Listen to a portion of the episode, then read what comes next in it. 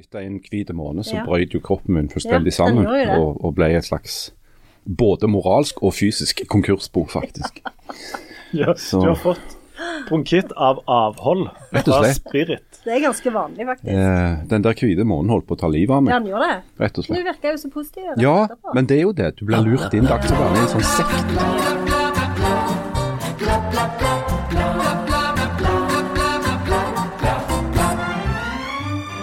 Det er dumt med krigen i Ukraina, men hva skjer med mine aksjefond og min strømpris? Og er det egentlig en skikkelig krig? Dessuten, kulturlivet sliter med late korona, Hadia Tajik sliter med å forklare hvor jeg egentlig har bodd, og Harald har en brannfakkel av ei topp ti-liste. Juhu!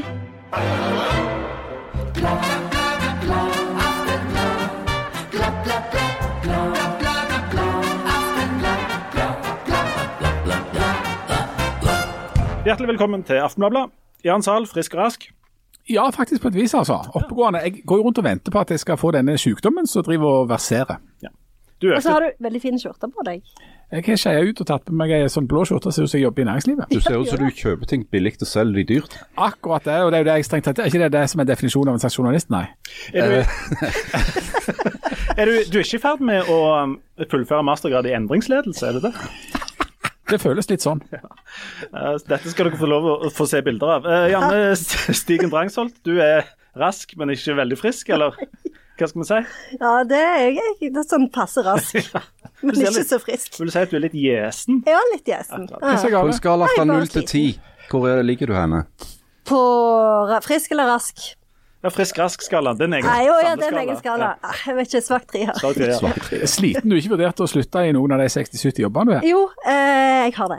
Vi kommer tilbake til det. Harald Birkevold, eh, du er verken frisk eller rask. Eh, Må Nei. det være en grei konklusjon? Jeg er faktisk ikke helt god. Nei.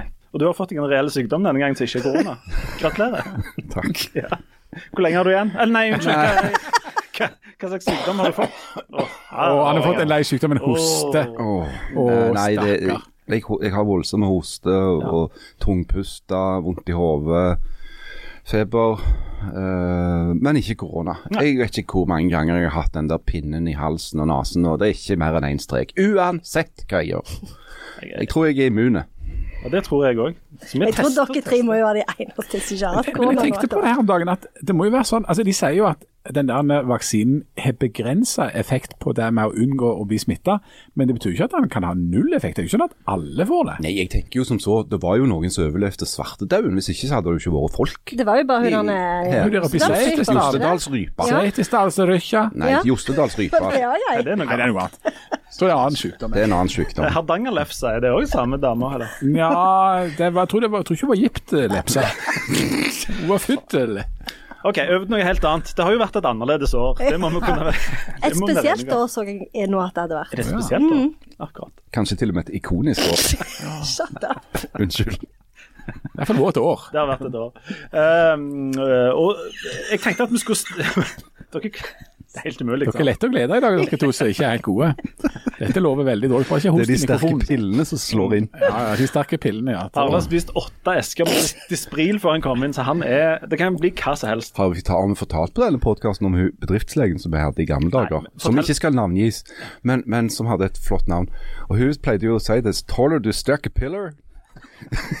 og hvis du sa ja på det, så sa du bare skrev ut. Bare, bare, bare spis mange. Det står at du bare kan ta tre til dagen, men ta syv. Du må, bare, du må bare røyke, det er ikke farlig. Det er bare noe de sier.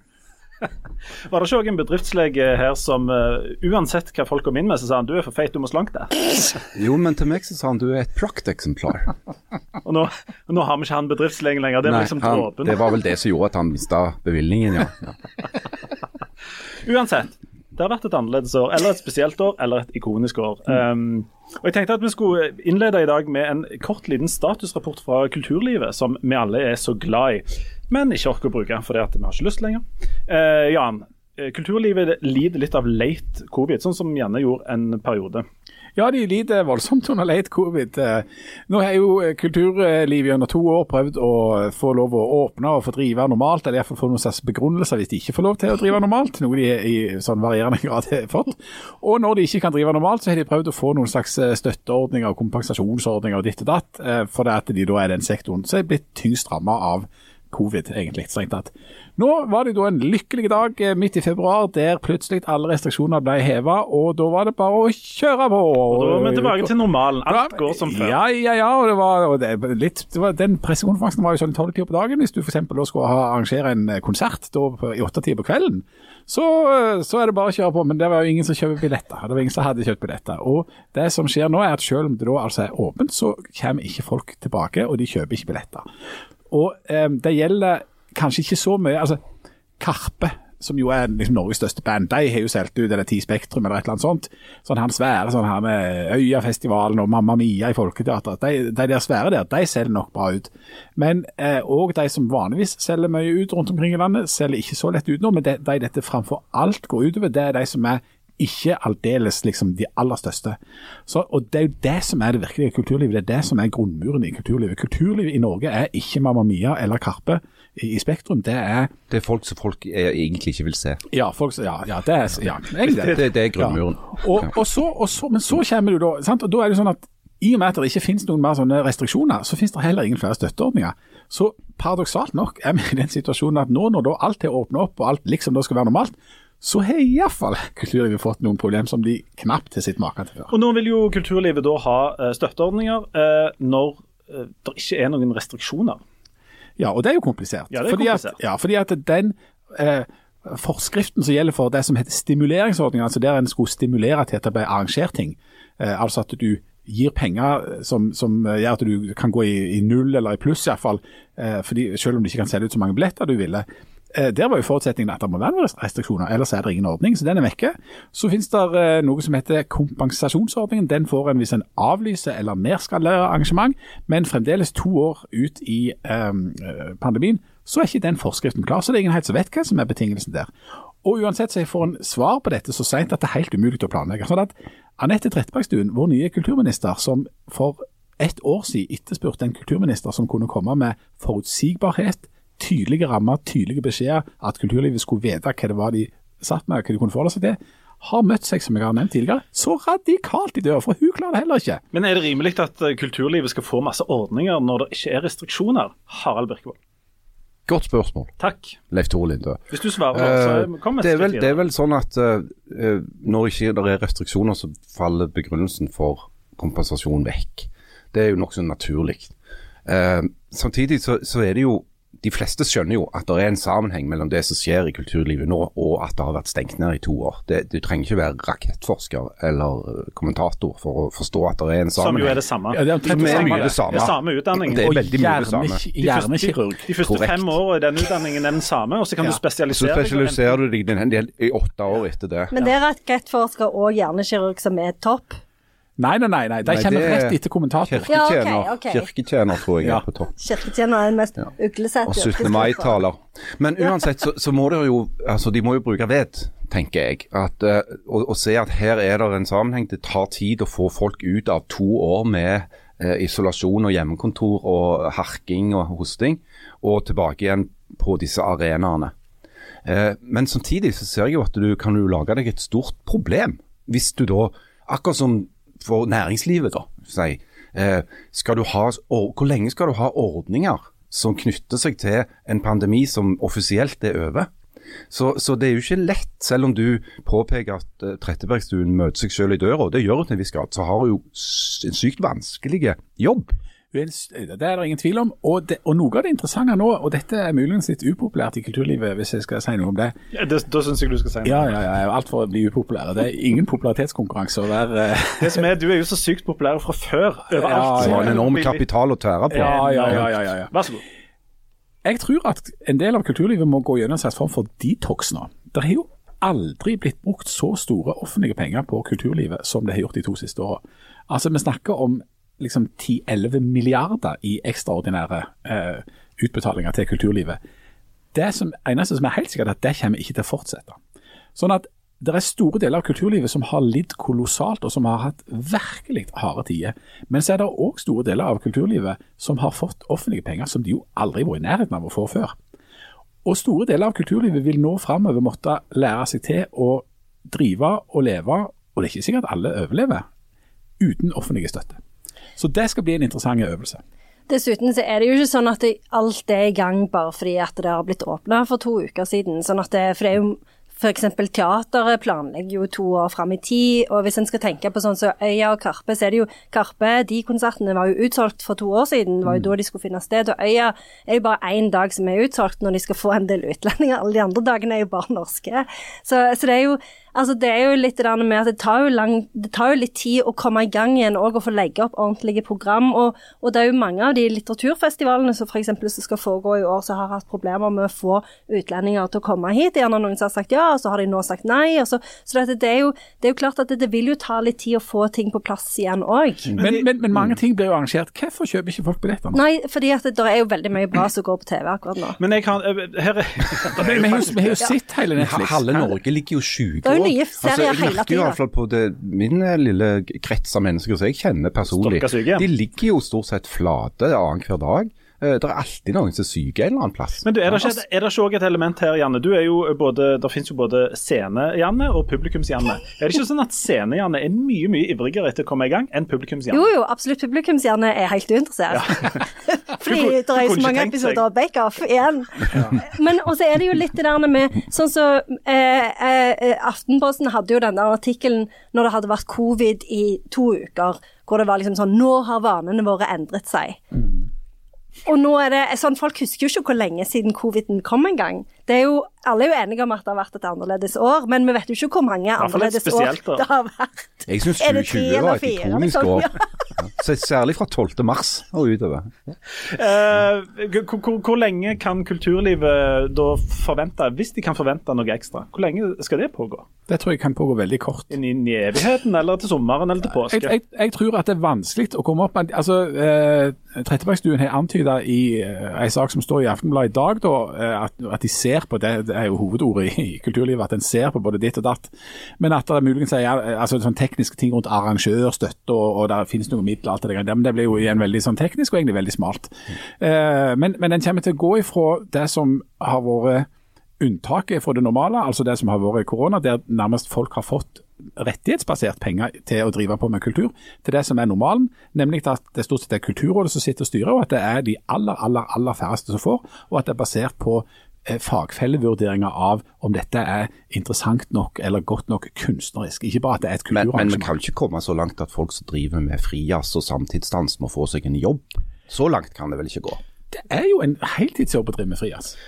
Hvis det, ja, nei, det, men da sier jeg, da da er det alvor, altså. Hvis dere i kulturlivet har lyst til å diskutere personlig med dette, så tar både Jan Sahl Zahl og Harald Birkevold besøk eh, på kontoret, og gjerne òg kanskje hjemme hvis det er aktuelt. For å møtes i synkehullet. Men det var han som endte opp med å si de mest upopulære tinga. Ja, bomba. Som vanlig. Jeg tenkte jeg skulle ta den der forlaget. Harald Birkevold tar en for laget. Jeg har uansett ikke kort, lenge igjen, så, så, jeg kan jo like så godt bare ta en for laget. Du, Før vi hopper over på neste uh, Det er veldig kjipt å dø av bronkitt. I en pandemi. Eller, det, det, jeg vil si at det er bedre å bli slått i hjel av en samtidsdanser enn ute i synkeholdet i hagen enn å, å, å liksom bli kvalt av sine egne teite lunger. Men spørsmålet er, hvis du havner på sykehuset etter å ha blitt skambankt av en samtidsdanser med bronkitt og dør av det, dør du da av eller med bronkitt? Dør av samtidsdans. Dette kan bare Espen Nakstad svare på. Han er til fjells. Han har sikkert en velfortjent vinterferie. Han var skrevet gode på ski, var ikke det? Han er sagt multikunstner, Nakstad. Han er det. Men nå skal vi hoppe over på noe helt annet. Og, og Som en myk overgang til det, så tenkte jeg vi skulle ta litt innsendt uh, skrøyd av oss sjøl, som òg inneholder ett spørsmål og ei gåte. Er dere klare for det? Absolutt. Dette er en e-post vi har fått på bladblad.aftenblad.no fra Katrine i Bergen. Hei, Katrine. Hei, hei. Hei, Katrine. Halla, Jan! God morgen. Det er knoll i podden. Ja da. Altså, hun skriver dette. Eh, dere vokser mer og mer på meg. Jeg er som oftest er helt enig med Harald, men hva hadde du, Harald, vært uten Janne, Jan og Leif Tore? Egentlig. Ingenting. Synes jeg godt. Absolutt, ja. absolutt ingenting. Det er et retorisk spørsmål. Det er et retorisk spørsmål. jeg, jeg, tenker mer at dere setter meg i et positivt lys. Vi spiller det gode. Ja, altså sånn. Det er godfoten. Man måste jamføre. Ja. Hun skriver videre. Og jeg er så glad dere endelig har blitt enige med dere selv om at dere ikke er et familieprogram. Det er veldig begeistring for at vi det ikke er et familieprogram. Jeg, jeg mener fremdeles vi skal ha et mål om å være et familieprogram, ja. men la gå. Um, og så kommer det ei lita gåte her. Uh, Katrine forteller at hun uh, ser litt Sopranos innimellom. Så sier hun gjett hvem som har dukka opp der, på en måte. Ted Hughes. Hæ? I Sopranos? så Sopranos? Ja, så lurte jeg på Klarer du, klarer du den? Nei, fordi at Sopranos for meg Når hun døde, hun, hva hun heter Ariana? Ja. Ja. Ikke Da fikk jeg Nei, nei. blackout. Før og etter, så jeg husker ingenting av den serien. Så du klarer ikke ta Det klarer Ted. Nei, Hughes-referansen i jeg får ta, forklarer Katrine dette. Nei. Så Du, lykke til med å få sove neste Ja. uke. Ja. det er jo bare et Google-søk unna. Ja, Ted. Huge, Soprano. Men, men du, jeg mener at dette er jo et, dette er jo et, innspill til neste Ted Huge-konferanse i Huddersfield. Lage et essay om Ted Huge sin posisjon i, i, i Sopranos. Der det har du noe jo du kan ja, spinne litt på. det, det var, eh, for at jeg er fremdeles litt sur, fordi forrige gang når jeg hadde paper, så var eh, alle sånn middels interessert i det, og alle ville bare høre om det paper som snakket om fiskestedene til Ted Hughes. Så ja, så dette jeg, jeg For det er jo en unik nå- mulighet for deg Ja, dette jeg her, kjenner til å så det kribler kombinere. litt. For du står jo med ett bein på en måte i populærkulturen, i TV-universet, og ett i denne her ekstremt eklektiske Ted Hughes-dyrkelsen, sekten. Ja. Sant? Og her kan du på en måte forene dem. Samtidig er det litt farlig, for det, er jo han eh, Simon Armitage, som jo òg er en veldig kjent poet.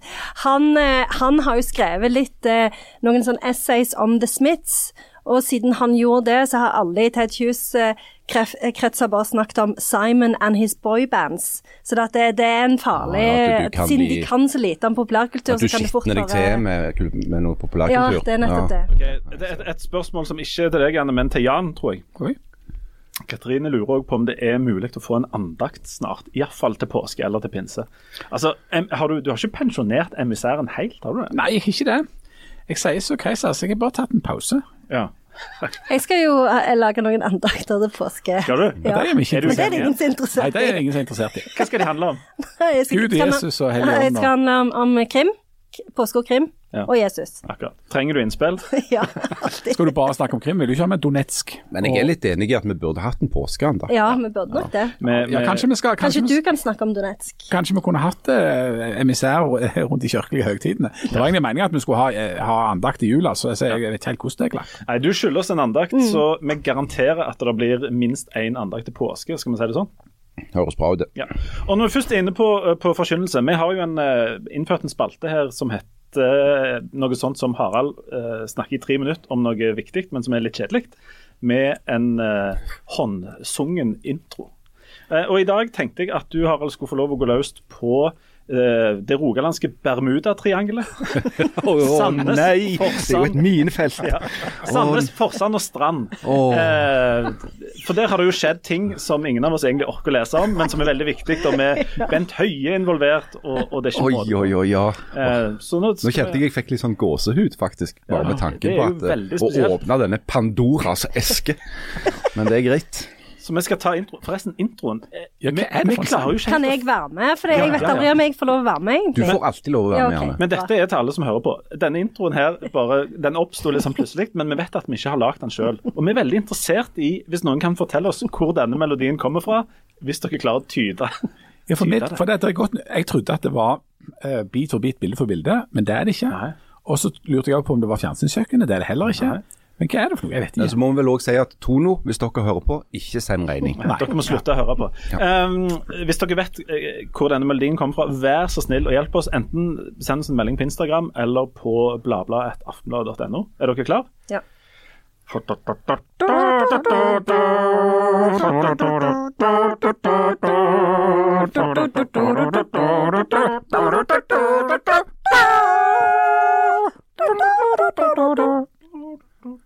Vær så god, Harald. Ja Jo, eh, i Rogaland eh, et sted så ligger der en eh, tidligere kommune som heter Forsand. Eh, Forsand har noen få eh, hundre innbyggere, eh, men er ganske stort og har masse kraftinntekter fra f.eks. Store kraftanlegg som ligger i Lysebotn. Og I forbindelse med denne kommunereformen som ble satt i gang av regjeringen Solberg, så Hvorfor gjør du sånn? Altså, jeg vil bare sånn, tegne meg sånn saksopplysning eller replikk eller et eller annet sånt, men de har jo også Preikestolen, Norges Ja, største turistattraksjon. Ja, ja, ja, men nå ligger den i stranden. Å ja. Ikke for å bruke opp Ja, det ble jo grensejustert. Hæ? Ja, må, må følge med. Ikke for å bruke opp Eh. din tid, altså, men jeg har faktisk hatt et år på Forsand da jeg var liten. Ja, ja. Men la meg fortsette. Ja, okay. Hold kjeft. du? Ti stilt. Var Uansett. det gamlehjemmet. Ok, Fra, fra nyttår i 2020 så ble Forsand en del av Sandnes, som de kalte for Nye Sandnes. Uh, men nå, fordi at de har hatt en innbyggerundersøkelse i Forsand, så har fylkes... Det heter ikke det lenger. Det heter jo ikke det. Fylkeskansleren. Kansleren i, i, i statsforvalteren, heter det, i, i Rogaland, Bent Høie, tidligere helseminister, han har fått disse resultatene, så har han grunna på det i sitt indre. Og så har han kommet ned fra fjellet med tavlene sine, hvor det står skrevet at fra nå av så vil han at Forsand istedenfor skal bli en del av Strand kommune. Og det er jo mange i Sandnes eh, ikke så glad for. Eh, så nå står saken der, og sannsynligvis vil den bli avgjort i departementet da. Eh, og denne saken har jo skapt mye temperatur, fordi at den har det, det, dette, dette er jo en sånn klassiske norske grenseting. Eh, og det er jo ingenting eh, nordmenn eh, elsker mer enn en god nabokrangel og en krangel om hvor- gjerdet skal stå og grenser skal gå. Så dette har skapt mye temperatur, og jeg vil nesten si til grensene til vondt blod mellom kommunene som er involvert, eh, med påstander, ganske friske påstander om kokkeluring i det skjulte og hemmelige agendaer og regionale krefter som trekker i trådene i kulissene for å motarbeide f.eks. Sandnes eh, sine, sine planer. Nesten som en James Bond-film, bare Det ikke. er på en måte som en James Bond-film, bare ikke, ja. Eh, men nå, nå tenker jeg som står da, at eh, det beste som kan skje nå er at denne saken blir, at den får en løsning, sånn at folk i, som bor i Forsand, som faktisk er de som er det aller mest ramma, eller omfattet av dette vedtaket, kan få lov å begynne å leve livene sine og finne ut hvor ungene skal gå på skolen og hvor de skal dra på legevakten hvis de blir syke, og hvilket sykehjem de skal besøke svigermor på.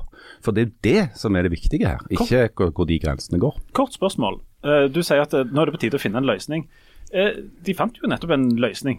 Ja, den, den løsningen var litt halvøyen av, to, av minst to grunner. Den ene var at i Forsand, hvor det tross alt ikke bor så veldig mange folk, der hadde kommunestyret faktisk ombestemt seg. For det at en representant Det sto på én stemme, dette. Og han, han ombestemte seg. Men det ville de ikke høre på. Og nå har de hatt en undersøkelse. Og den må jo òg respekteres. Takk for meg. jeg fremdeles lurer på, er hvor eh, har har Preikestolen flytta seg nå?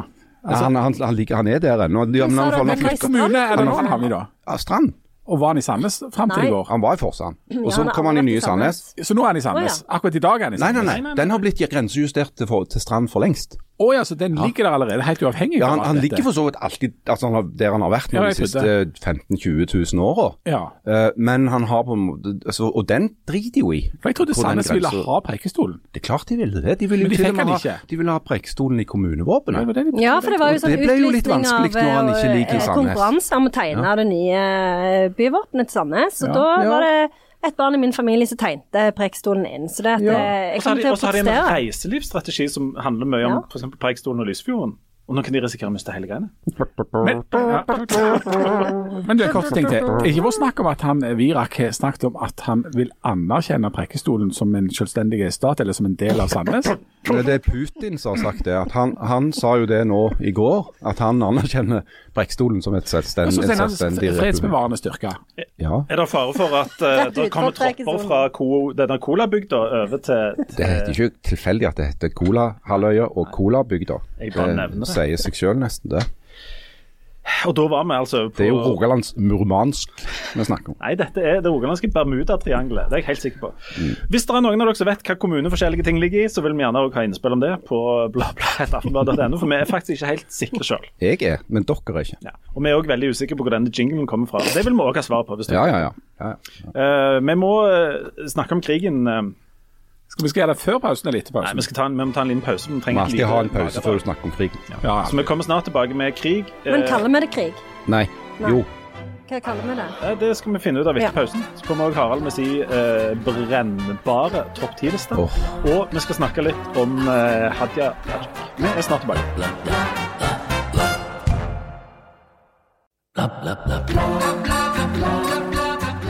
Hjertelig velkommen tilbake til krigen, holdt jeg på å si, til Aftenbladet. Nå skal vi snakke om denne veldig forvirrende krigen. Eh, eller ikke krigen, eller hva det er. Jeg Vi kan begynne der. Er det bare jeg som syns dette er et veldig forvirrende opplegg å følge med på? Altså, det er en salig miks av okkupasjon, annektering, trusler, informasjonskrig og bilder av tanks som kjører langs det som kan være grensa eller ikke være grensa. Jan, har du stålkontroll på konflikten? Jeg har akkurat like lite stålkontroll nå som jeg hadde forrige uke. Jeg forstår fremdeles ikke helt hva det går i, og jeg konstaterer bare at jeg aldri skal søke jobb som sånn klærvoajant. For jeg uttalte vel for en uke siden at eh, jeg så ikke for meg at eh, Putin skulle ha noen interesse av å invadere dette det Ukraina. Men nå er det jo også uklart om han har invadert dette Ukraina eller ei. Det er iallfall eh, militære kjøretøy, men da altså definert av Putin selv som fredsbevarende styrker i, inn, inn i et fremmed land. Og hva var det jeg sa? Eh, Du, Jeg minner, dette var et mitt Jens Stoltenberg-øyeblikk nummer to. Ja, det er litt uff. Og vi er bare kommet til februar. Ja, dette blir et godt år. Et annerledes år. Ja. Et ikonisk år, kanskje. Men, det, men det er jo mye, det er mye, altså det er mye kjøring rundt med sånne tanks og, og, og soldater og sånt, og så er det jo da mye språk. Det er jo, det er jo interessant at det er jo ingen land som har angrep, alle har bare forsvar. Eh, og når nå eh, russerne har rykt inn, så er det altså ikke med, med, med, med kriging eller angrep eller sånt. Det er for å beholde fredsbevarende styrker en positivt til sig til noen provinser ute i eh, Ukraina der. Ja, utenom eh, eh, Boris Johnson, fordi det, det virker som han er litt redd for at han i ettertid skal fremstå som en sånn slags sånn Will Chamberlain. Så han er jo mer sånn kjører på med krigsretorikken som om det ikke var noen morgendag. Husker dere han til Donald Trump? Ja. Han var president i USA for eh, en stund siden. Og, men i dag så var han frampå igjen. Han, eh, han gratulerte sin gode venn Vladimir eh, Putin med, med veldig vellykka taktikk i, i, i Ukraina.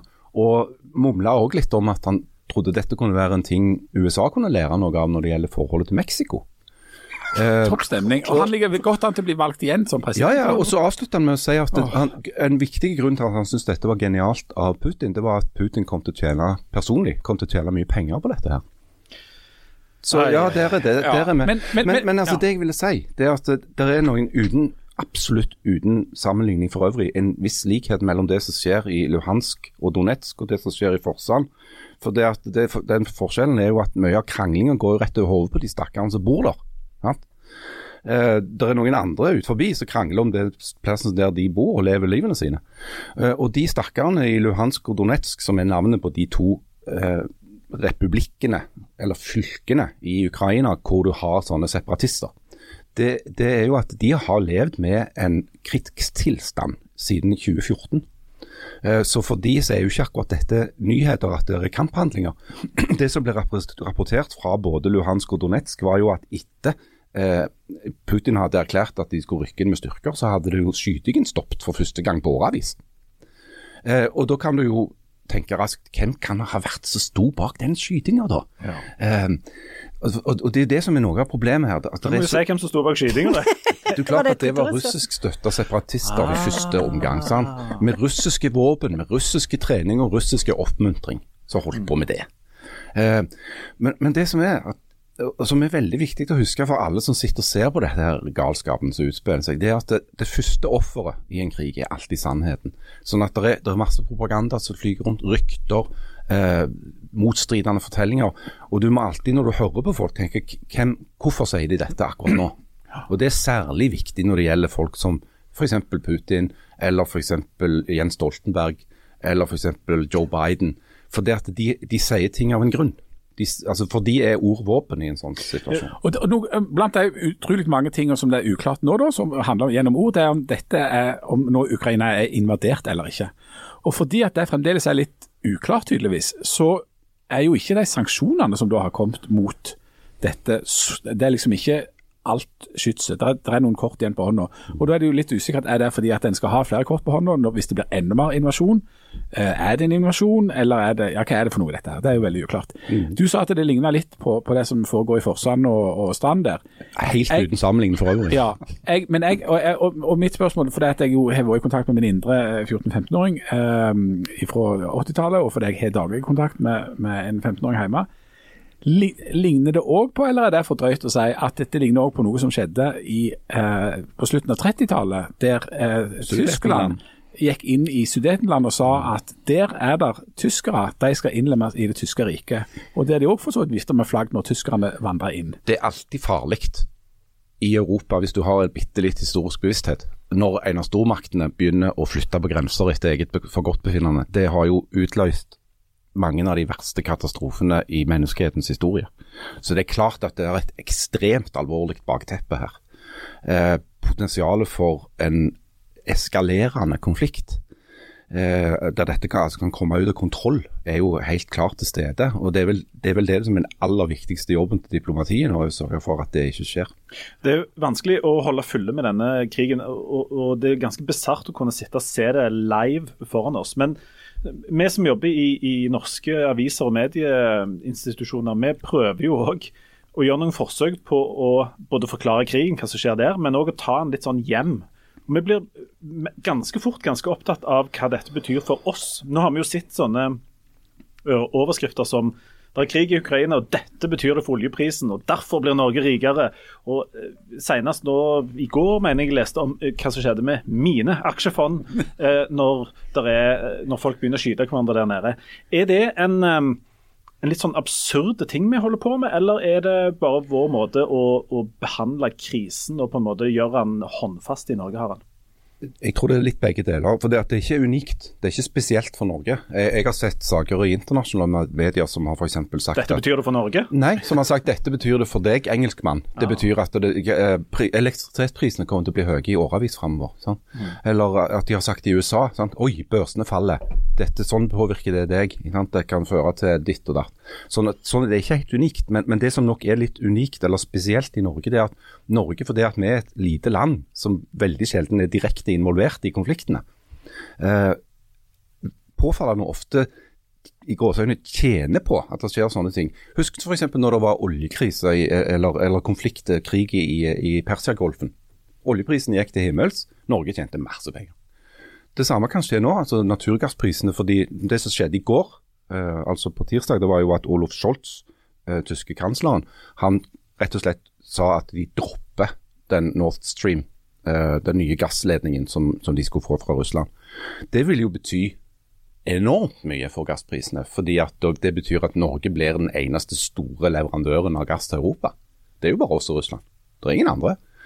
Så, så du, du må jo kunne si det uten å bli kalt for kyniker. Det er bare, det er et det er bare et resultat av et tilbud og etterspørsel. Men amerikanerne har jo lyst til å komme med svære skip med LNG-gass, altså ja. gass, og Det er jo en, er en forretningsmulighet eh, der.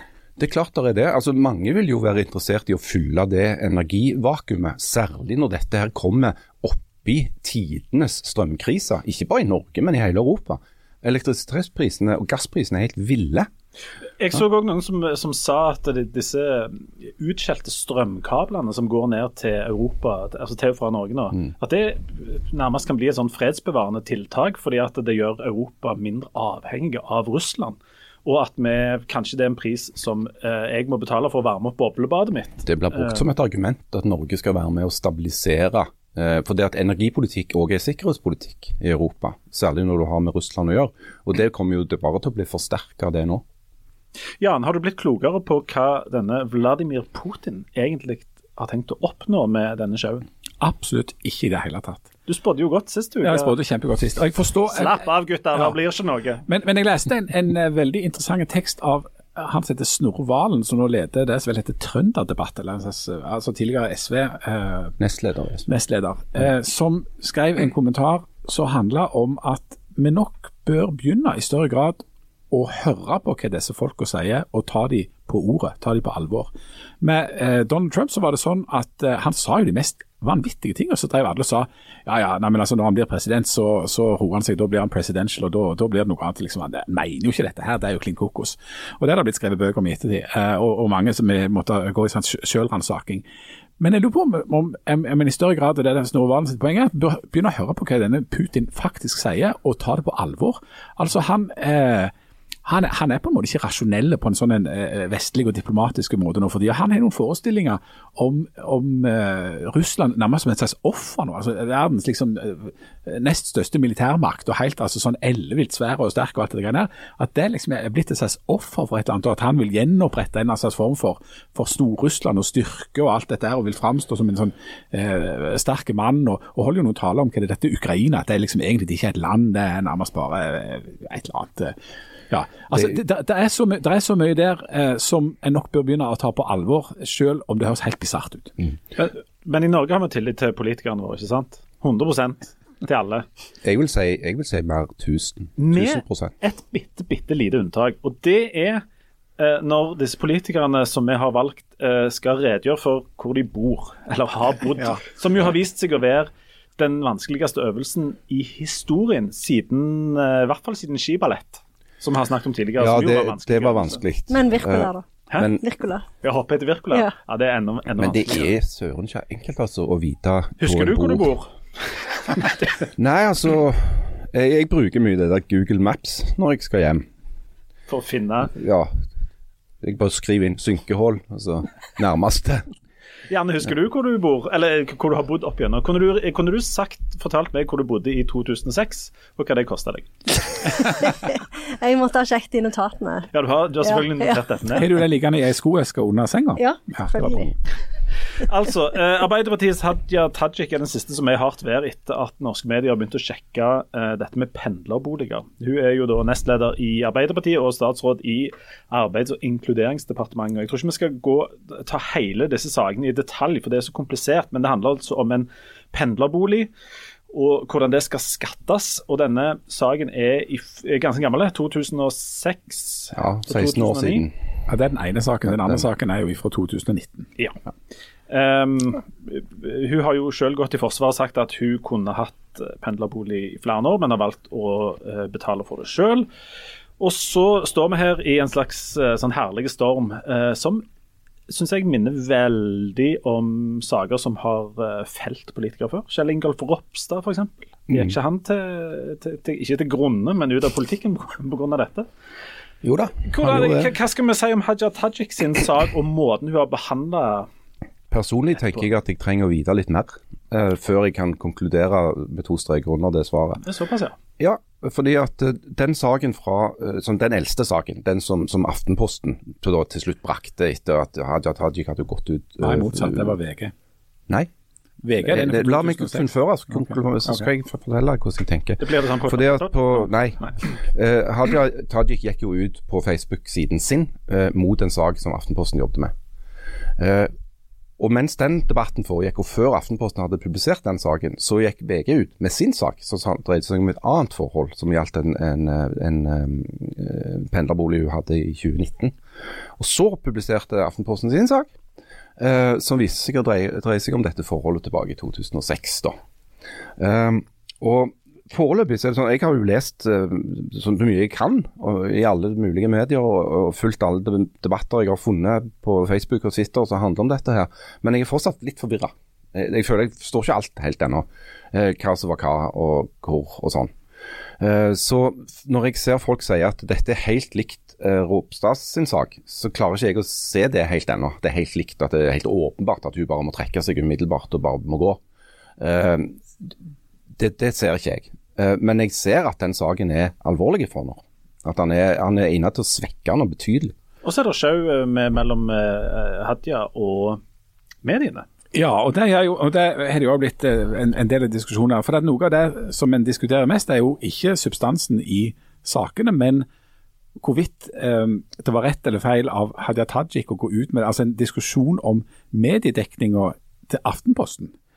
Som jo blant de mer eh, Noen da tolkes som nærmest sånn, sånn litt sånn eh, informasjonsfaglig eh, genistrek og sånn wag the dog-taktikk. Du går ut, altså Hvis du vet at både Aftenposten og VG jobber med noen saker som handler om dette, her, og så går du da ut og forteller om den Aftenposten-saken som altså ikke er publisert. og det er sånn i media at Hvis noe ikke er blitt publisert, så eksisterer det egentlig ikke. og Redaktører og journalister kan ikke diskutere noe de ikke har skrevet. Eh, Men da går altså hun ut og gjør det, og da blir det en voldsom diskusjon mellom henne og sjefredaktøren i Aftenposten, Trine Eilertsen, som jo avviser at det er noen presseskandaler som da eh, Tajik påstår, for det eksisterer jo faktisk ikke noe som er gitt ut ennå. Og Så blir det altså en diskusjon om det. Er dette en presseskandale, eller var det rett, eller var det feil?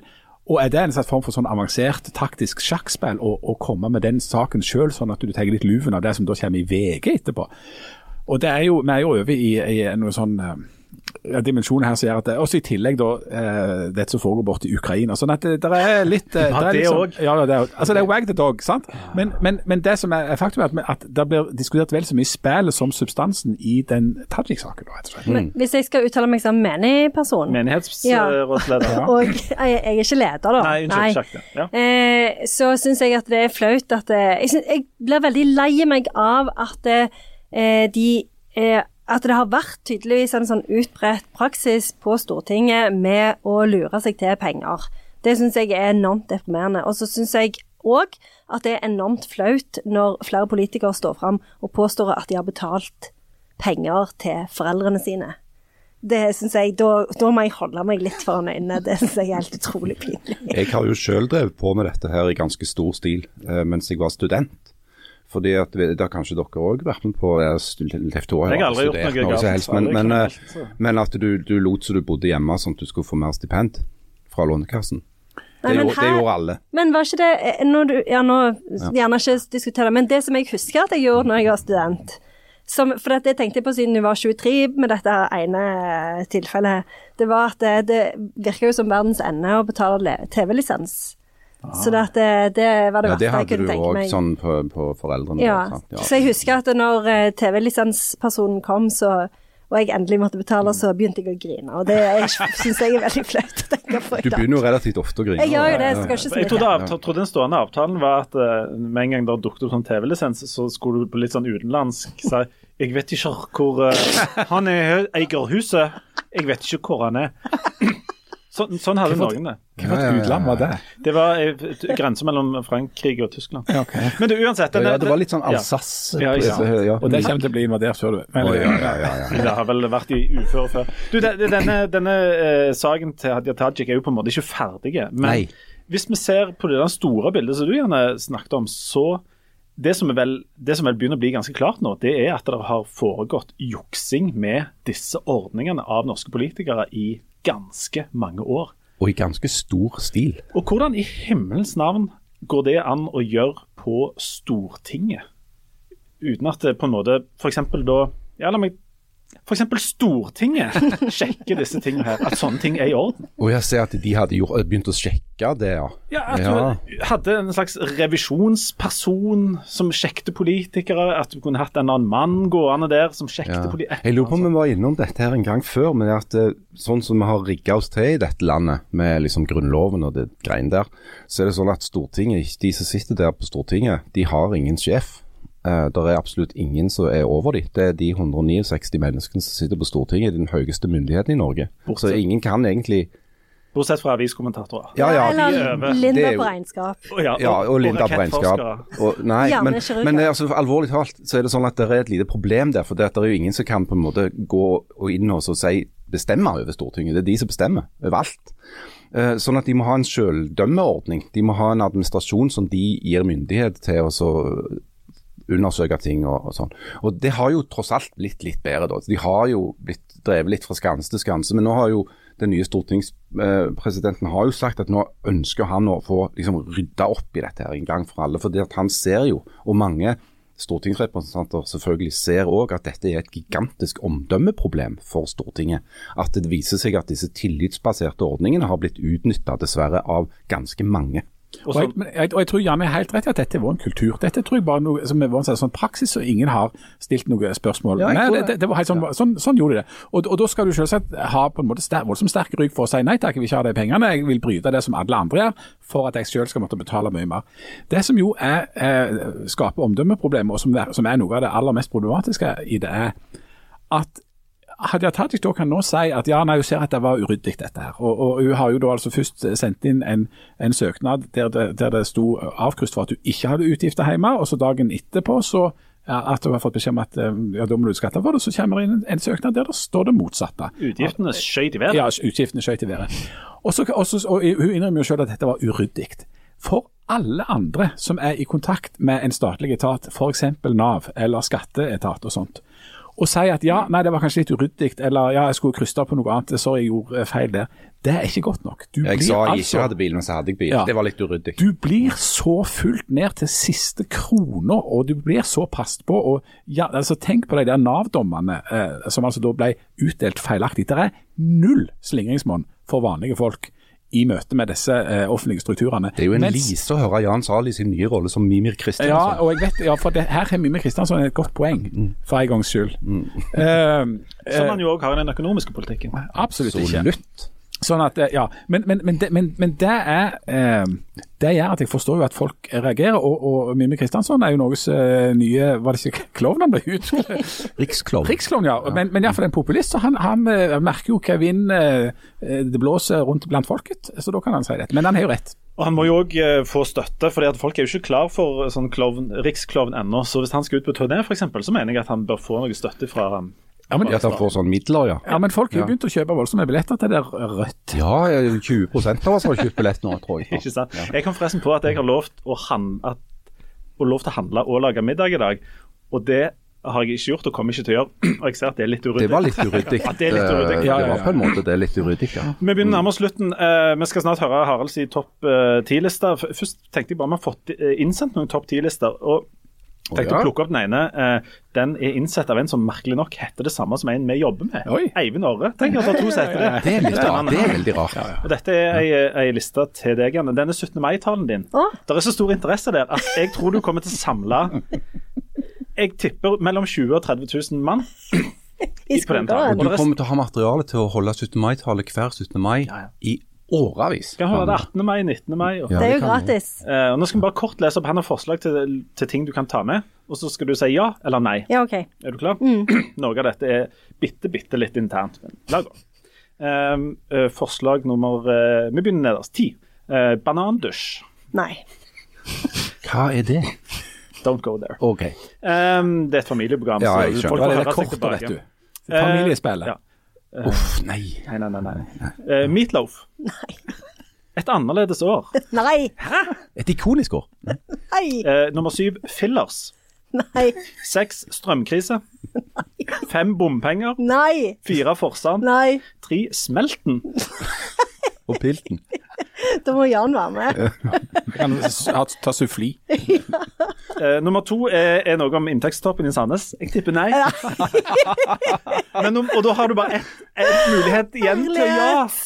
Og det er forslag nummer én Hitler. Nei! En ny vår for Europa. Ti av ti mulige bom der for denne. Ja, det var, det var bom fra åren der igjen. Det var en fryktelig svak liste. Nå får vi se om eh, du, Harald, har ei bedre liste. Du har jo fått, eh, mot ja. bedre vitende, frie tøyler til å lage deg ei topp ti-liste. Ja, det, jeg fikk jo denne ordren da siste uke uh, om at nå var det min tur til å ha en sånn ti på topp-liste. Uh, og så ble jeg sånn i tvil. Altså, må det være ti på topp, eller, eller det kan jo òg være ti på bånn, eller bare ti ting? Absolutt. Kan det ikke det? Ja, ja, ja, absolutt. Ja, Du kan ikke bare si ti vilkårlige ting.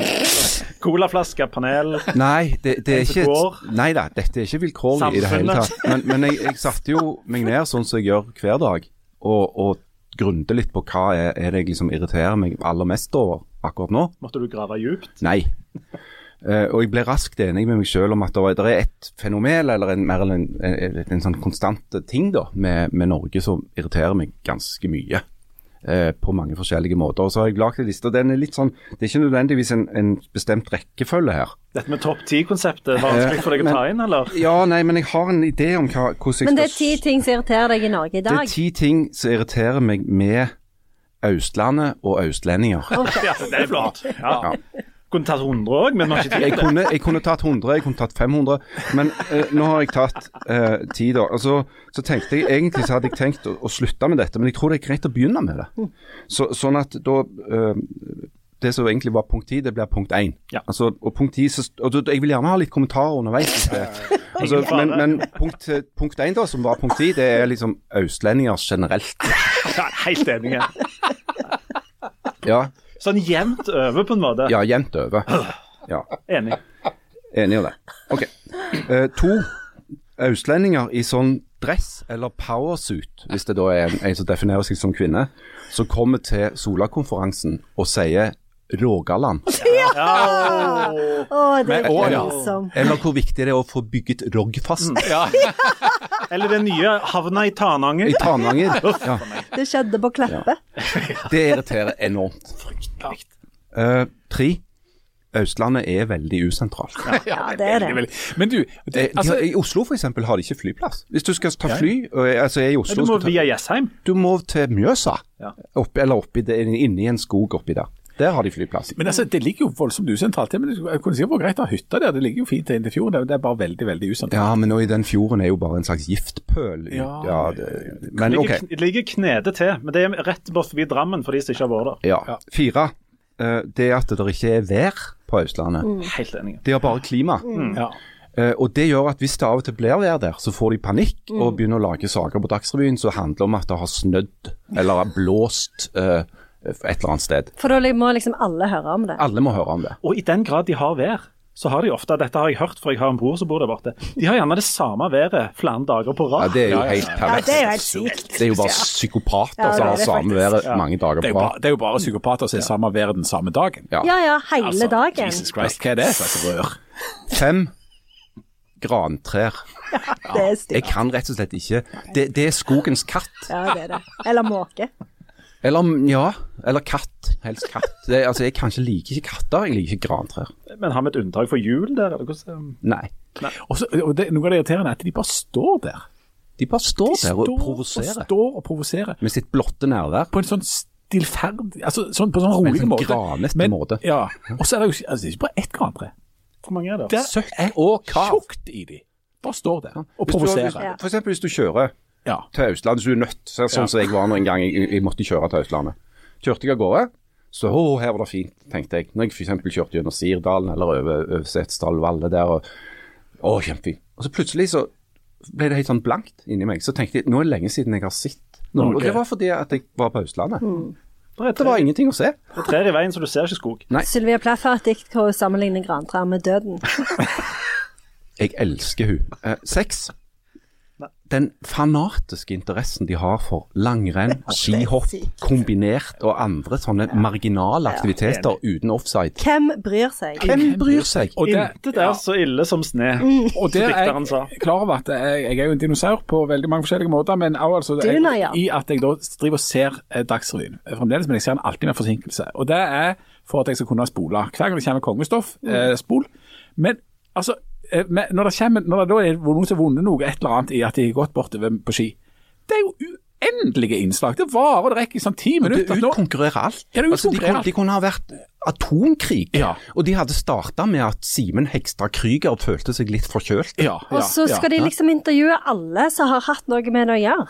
Det er liksom Det er ikke måte på hvor Det, det mange er en lidelse uten ende. Jeg er så glad at det der OL er ferdig. Og det smitter òg. Jeg har hørt at Aslak Judas Sira Myhre har begynt å gå på ski i en eller annen mark nord i Oslo. Kona hans er enda verre, kan jeg rapportere om. Men akkurat nå er han i Egypt, og der er det ikke skiføre. Ja, det er ingen unnskyldning. Nummer syv. Unnskyldning mot- Det er egyptere. Det er ingen grunn til Nummer syv. Latteren til Trygve Slagsvold. Ah, ja, ja, herlighet, jeg blir så provosert av den latteren.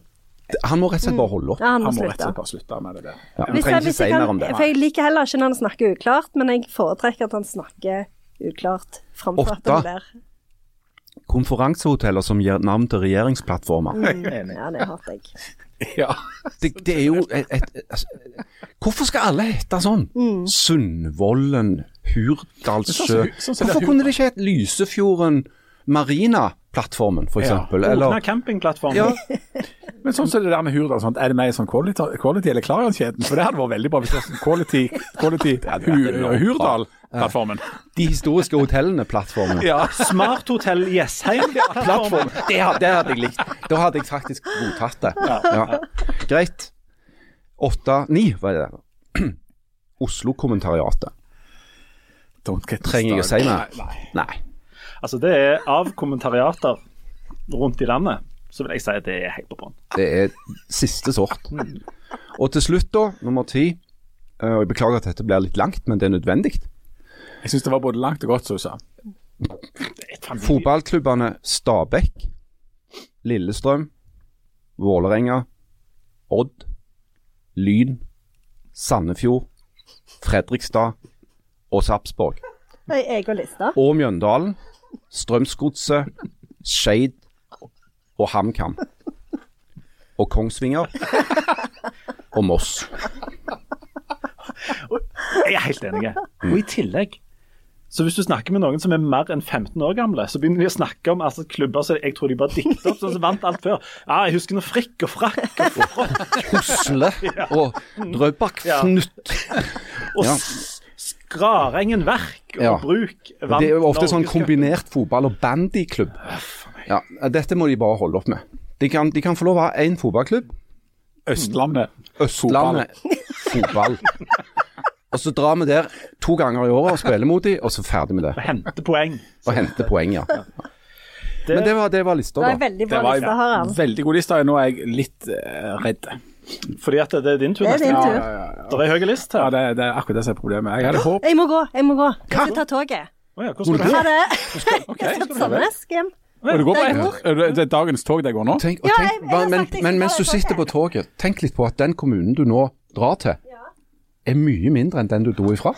Ja, pluss at jeg trodde vi hadde prekestolen. Nei, dere har ikke, du har ikke det. lenger. Men det hadde vi jo tydeligvis ikke for lenge siden. Nei, nei, nei. Men, Det ser du. men det, det er på tide med en løsning når det gjelder de kommunene. Altså, fordi at uh, Du kan jo risikere at det toget går gjennom Strand kommune plutselig. Hvis de. Ja. Ha det, Janne. Ha det, Janne. Ha det, Janne. Det var hun som ville spille inn litt seint i dag, var det ikke det? Jo. Jo, Men men, jo- du, Janne har jo et veldig travelt liv. Ja, vi så, Ja, så mange jobber, vet du. Uh, hun har veldig Men mange nå er jo ikke hun her lenger, så altså, så, så du den skjorta du hadde på seg i dag? Ja, altså av Den hennes ligner, den ligner jo veldig på de skjorta, egentlig. Men du har jo på deg en sånn eh, manneskjorte nede ute, og hun hadde ja. på seg Din skjorte er vel Sånn kjøpt på jula, sånn som man skal være. Ja. ja.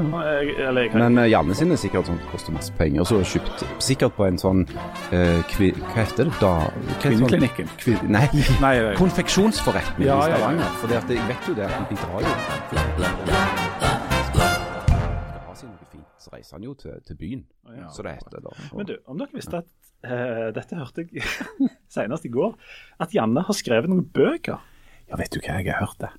Altså, hun, eh, Hva bøker, Nei, sånn, altså? Hun har dikta opp eh, fortellinger om, Ja, om et eller annet. sånn som du bare har funnet på? Og så har hun solgt de. Eller Vet du ikke om det er noen som har lest de? tror Nei, fordi jeg kom over ei som hadde lest uh, ei av disse bøkene. Um, hadde kjøpt Det var flere av de òg. Hun hadde lest den ene, Ja. de andre hadde hun ikke lest. for å si det sånn. Og de koster jo flere hundre kroner, de bøkene. Skamdyre. Hvis du kjøper de det, om det er det hun gjør når hun er ute og reiser, når hun driver og skal selge de der bøkene? Ikke det er. Jeg Men kanskje er, er det der, er det der kollekten går til nå, en sånn kirketjener? Det der kirketjenergreiene, det har jeg kun hørt eh, fra én person, og det er Janne Stigen Drangsholt sjøl. Ja. Så eh, om det er en sånn type sånn imagebygging ja. Og så er påstår jeg jo at du driver mye på at du er på en sånn fotballgreie. Det har jeg aldri sett noe Jeg der. aldri hørt om det. Hæ? Jo, du har hørt om det, hun snakker jo snakker. Ja, hun snakker Det om er gjerne derfor hun ikke vil ha noe innspill til denne 17. mai-talen. For det at hun skal bare bruke den til å snakke om de der bøkene. Eller.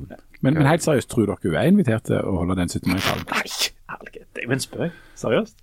Jeg, aldri, jeg hadde ikke tenkt på det. Når du sier det, så er det jo Uff, det kan jo være virkelig. Det kan jo være en personlig tragedie, det. Men, eh, men hun sier jo at hun har blitt invitert der pga. at du har unger der. Har dere noen gang sett disse ungene, eller denne såkalte mannen Stigen Nei, det er er, Skybert, som de kaller han. Men altså, hvis det er sånn, for det, for det som er greia, er at det er jo en sammenheng her. sant? Hvis det er sånn at hun driver og dikter opp ting i disse bøkene, så kan det jo veldig godt hende at det alt du sier her også er bare diktning. At det er bare oppdiktning. Det er akkurat det det. Og da i så fall så er vi ikke egentlig en ekte podkast, vi er bare en fiksjon i Janne Hagen sitt sinn. Bare at hun snakker det istedenfor å skrive det ned. Så har du Janne Hagen sitt sinn? Nå tenkte hun et. Freudian slip. Det var Freudian slip. Ja. Men- Stigen Drangsholt. At hun, er er, fullt av. at hun er bare forfatter av alt det vi sitter og sier, at vi egentlig ikke finnes som annet enn karakterer i hennes At dette er et slags fiksjonsunivers. Truman-show. Dette er Truman Show, tror jeg. Oh, Hvis du skriver et nytt sånn hefte, tror dere at uh, dette blir en del av det? At hun skal sitte og syte over hvor tungt det er, eller noe sånt? Jeg mener at det er uklart om vi sier det vi sier nå fordi hun har skrevet det, eller om vi sier det nå for at hun skal skrive det ned etterpå som en del av sitt fiksjonsunivers. Fins egentlig Janne Stigen Drangsvold? Ja eller nei? Nå, nå er jeg så full av eksistensiell angst at jeg, jeg må eh, rett og slett gå og, og spise pizza. Jeg tror vi skal gi oss. Jeg tror ikke jeg finnes. Å, herregud. Akkurat. Takk for at uh, Hvis det er noen av dere som fremdeles hører på, tusen takk for at dere holder ut. Snakkes neste uke. Ha det. Beklager alt det. Beklager alt vi sa.